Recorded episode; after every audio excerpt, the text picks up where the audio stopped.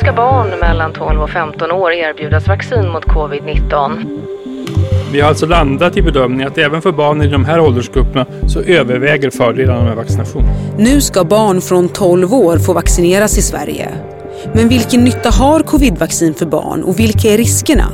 Det här gör vi för barnens skull, för att eh, det minskar risken för långvarig sjukdom och därmed också risken att missa mycket i skolan. På en kvart får du veta varför Sverige dröjt extra länge med beslutet och varför det inte bara är barnen själva som tjänar på att de vaccineras. A vaccine is something that you inject in your body and it protects you from getting sick. Det är fredag den 17 september och jag heter Fanny Härgestam. Här är dagens story från Svenska Dagbladet.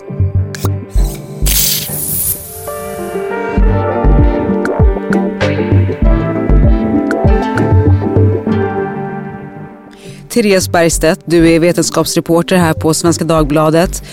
Hur väntat var det att Sverige nu väljer att vaccinera barn? Jo men det var väntat. Alla andra nordiska grannländer har ju redan beslutat om det och satt igång så att eh, det var väl ingen jätteförvånande nyhet.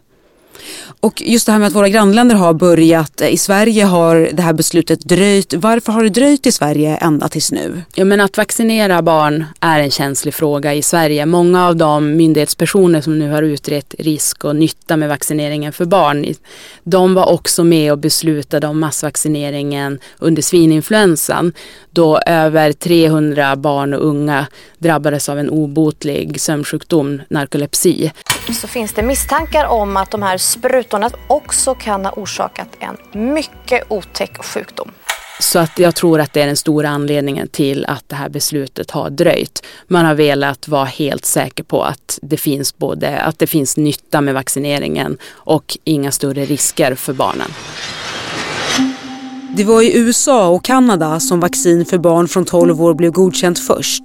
Kids 12 to 15, uh, time to roll up your sleeves. Strax därefter gav även EUs läkemedelsmyndighet grönt ljus. Först i maj i år för Pfizer-Biontech för barn över 12 och sen i juli för Moderna.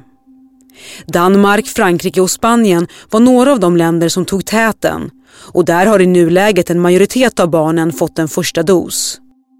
Men alla EU-ländernas respektive regeringar har inte hållit jämn takt med varandra eller gjort exakt samma bedömningar när det gäller risk och nytta med vaccin för barn.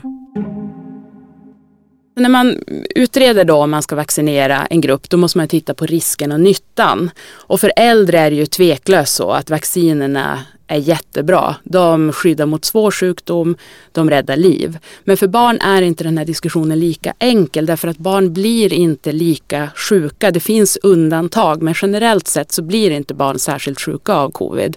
Och det vi har sett med statistiken är ju att sen pandemin bröt ut så är det ett fåtal barn som har dött.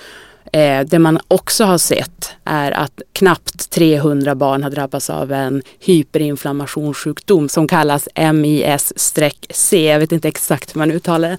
Och eh, det menar då många barnläkare att det i sig, det är skäl för att vaccinera barnen då därför att den här sjukdomen MIS-C, den kan vara livshotande. Hittills är det inget barn som har dött i den här följdsjukdomen då från, från covid. Men man tycker ändå att det är så pass allvarligt så att det motiverar vaccinering. Sen måste man också då titta på riskerna med vaccineringen. Eh, om det finns större risker för barn att få sprutorna i jämförelse med vuxna och sånt. Vad vet vi mer om biverkningar av covidvaccinerna för barn? Ja, alltså det verkar som att de vanligaste biverkningarna det är lika som för vuxna. Att man får ont i armen, man blir trött, man får lite feber och frossa. Men sen så har man också, till exempel Israel har ju vaccinerat, de ligger ju långt före Sverige. De började ju med vaccinering av befolkningen innan jul. Och där under våren så såg man en viss förhöjd risk bland unga pojkar att få hjärtmuskelinflammation efter sprutorna. Där valde man ändå att gå vidare och, och säga ja och vaccinera yngre barn därför att den här biverkningen var relativt ovanlig Och besvären, de som fick hjärtmuskelinflammation, de fick milda besvär och det var övergående. Men den här, det här är också ett samband som Europeiska läkemedelsmyndigheten har pekat på i somras och som myndigheterna nog tittar lite närmare på och många länder har ju valt den här biverkningen har man sett är vanligare efter andra dosen. Och det är därför till exempel Norge och Storbritannien nu väljer att ge en spruta till 12 till 15-åringar just på grund av att det finns en viss förhöjd risk för just unga pojkar. Vi får vänta och se om det är en faktisk orsakssammanhang mellan dessa vacciner och perikardit och myokardit eller om det bara är en tillfällighet. När det gäller syftet med vaccin för barn, alltså dels handlar det ju om att skydda det enskilda barnet, men inte bara, det är också en samhällsfråga. Förklara. Mm. Men så är det generellt med, med vaccinering, att man tar ju en, en spruta både för att skydda sig själv och i, för att inte smitta andra som kan bli jättesjuka. Och för barn så är ju frågan då, ska man vaccinera dem? De blir inte speciellt sjuka generellt sett. Ska man vaccinera dem då för att skydda sig själva eller är det för att skydda andra? Men vad gäller smittspridningen så vet man hittills i alla fall, det, kan, det här kan förändras nu när deltavarianten har dykt upp, men hittills har bedömningen varit att barn som grupp driver inte smittan. Det är inte de som är den stora motorn i smittspridningen i samhället. Det här har varit väldigt omdiskuterat men det är därför bland annat Sverige har låtit skolorna vara öppna hela tiden med hänvisning till att barn som grupp inte tycks driva smittan i samhället. Kopplat till frågan om nytta och risk är frågan om fördelning av vaccin i världen. Idag har 80 procent av världens alla vaccindoser gått till rikare länder. Det FN-stödda vaccinsamarbetet Covax togs fram för att låginkomstländer också skulle få tillgång till vaccin. Men det har inte gått så bra. I till exempel Nigeria är cirka 1 procent av befolkningen fullvaccinerad. Medan äldre och riskgrupper i låginkomstländer i stort sett står utan har EU och USA nu alltså börjat erbjuda vaccindoser till barn. Det är väldigt lätt att förstå att Världshälsoorganisationen är oerhört frustrerade eftersom 80 procent av doserna har gått till den rikare delen av världen. Och det är ju så, man kan, alltså, jag tycker att man absolut kan ifrågasätta varför till exempel barn i den rikare delen av världen som inte verkar vara särskilt hotade av covid, varför de ska få sprutorna före äldre i riskgrupper. Men den här, det är inte riktigt så enkelt att ställa de här grupperna mot varandra heller. Därför att förklaringen till att vaccineringen inte har gått så snabbt framåt i fattigare länder det är bland annat för att EU och USA la beslag på de första doserna. Och det var också så att EU och Sverige, Sverige ingick då, eh, i början, alltså innan man ens visste om de här vaccinerna skulle eh, funka, det var ju eh, väldigt, väldigt osäkert. Men redan innan så slöt ju många länder avtal med läkemedelsbolagen och då har de blivit prioriterade i kön. Eh, alla länder som inte ingår i EU eller i USA har fått förlita sig på Covax som är ett internationellt vaccinsamarbete där FN är med. Och de har då fått ställa sig längre bak i kön. Och det kan man tycka vad man vill om men läkemedelsbranschen de, det är också väldigt mycket pengar som går åt för dem och det var en stor chansning för många bolag att gå in i att försöka ta fram ett vaccin och de har lagt enormt mycket pengar och resurser själva också. Så att det är så här läkemedel forskas fram, det kostar och USA och EU har satsat också väldigt mycket skattepengar på att hjälpa företagen att få fram de här vaccinerna. Det är klart att de vill skydda sin befolkning först.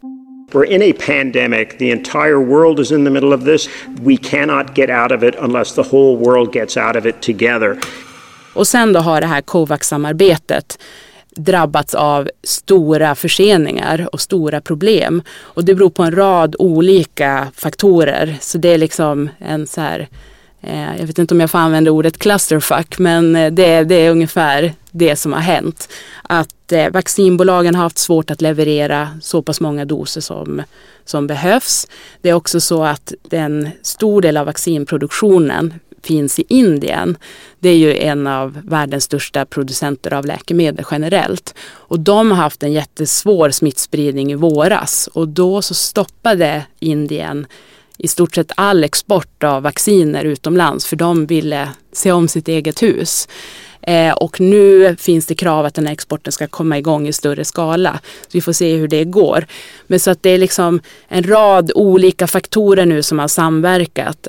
Men sen finns det också, du nämner Nigeria, där vet man också, där har, det finns det också, alla länder har ju också olika problem inne i länderna och till exempel i Nigeria så har man också haft problem med vaccinmotstånd i befolkningen. Så det kan ha bidragit till att det är en så låg eh, vaccinationsgrad. Och hur påverkas den här obalansen av att den rikare världen nu behöver ännu fler doser? Alltså nu till barnen men det pratas ju också om en tredje dos, en så kallad boosterdos till, till riskgrupper. Mm. Alltså WHO har ju sagt att man helst inte vill att rika länder ska börja administrera en tredje dos till riskgrupper. Det är samma där, alltså, eh, alla länder vill skydda sin befolkning och göra det så bra som möjligt. I våras så lärde vi oss ett nytt begrepp, vaccinnationalism. Och det är ju det som, som har uppstått här, att alla länder vill se om sitt eget hus. Eh, och det är bara att hoppas. Många av världens ledare har ju också uttalat nu stöd för det här internationella vaccinsamarbetet Covax och sagt att vi måste se till att vaccinationsgraden ökar i hela världen. För det är ju också så att även om man har den här vaccinnationalismen och vill skydda sin egen befolkning, det kan också vara så att det är rimligt att ge en tredje dos till äldre och riskgrupper i Sverige. I Israel finns det indikationer på att vaccinskyddet börjar släppa lite grann efter en viss tid. Och där har man ju börjat då ge tredje dosen. Det kan bli aktuellt även i Sverige. Och det, ur en medicinsk synvinkel är det svårt att ifrågasätta. Men det, men det som världens ledare menar är att man ska inte ställa grupper mot varandra. Det går att göra både och.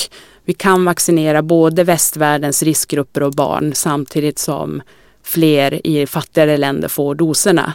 Sen kan man också hävda att det också är bra att vaccinera barn för då dämpar man smittspridningen även i den här gruppen. Även om det nu är så att de inte kanske är de som driver smittan mest så smittar de ju ändå vidare. Så att det betyder inte att, att bara för att man vaccinerar barn att, att den globala smittspridningen, det kan ändå vara positivt för, för, eh, för den. Och varför det är viktigt att dämpa den globala smittspridningen det är ju såklart att man vill försöka få kontroll över pandemin. Men det är också så att det finns, ju längre den här smittan pågår och smittspridningen pågår så finns det risk att nya varianter dyker upp som kan undkomma skyddet man får av vacciner. Och det är en situation man vill undvika, alltså att nya varianter dyker upp och börjar spridas över världen. Så det är därför det är väldigt viktigt att eh, vaccinera alla. All right. How was that? Good. Good? Didn't hurt too much? No, not at all. Awesome. Men Therese, för att runda av, varför just 12 år? Det är för att vaccinerna, det är framförallt Pfizers vaccin som används. Det är bara godkänt i EU för barn över 12 år.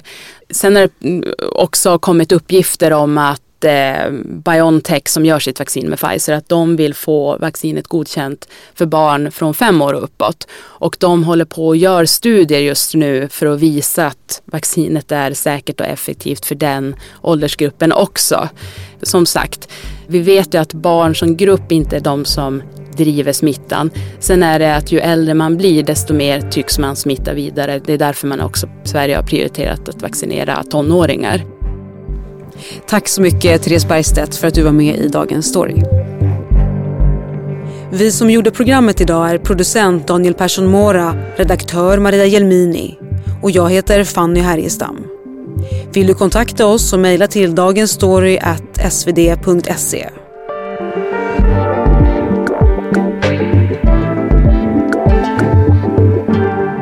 Ljudklippen idag är hämtade från Sveriges Radio, Sveriges Television, CNBC, TV4, NBC, WHO och Youtube-kanalen Dr. Wasim Said.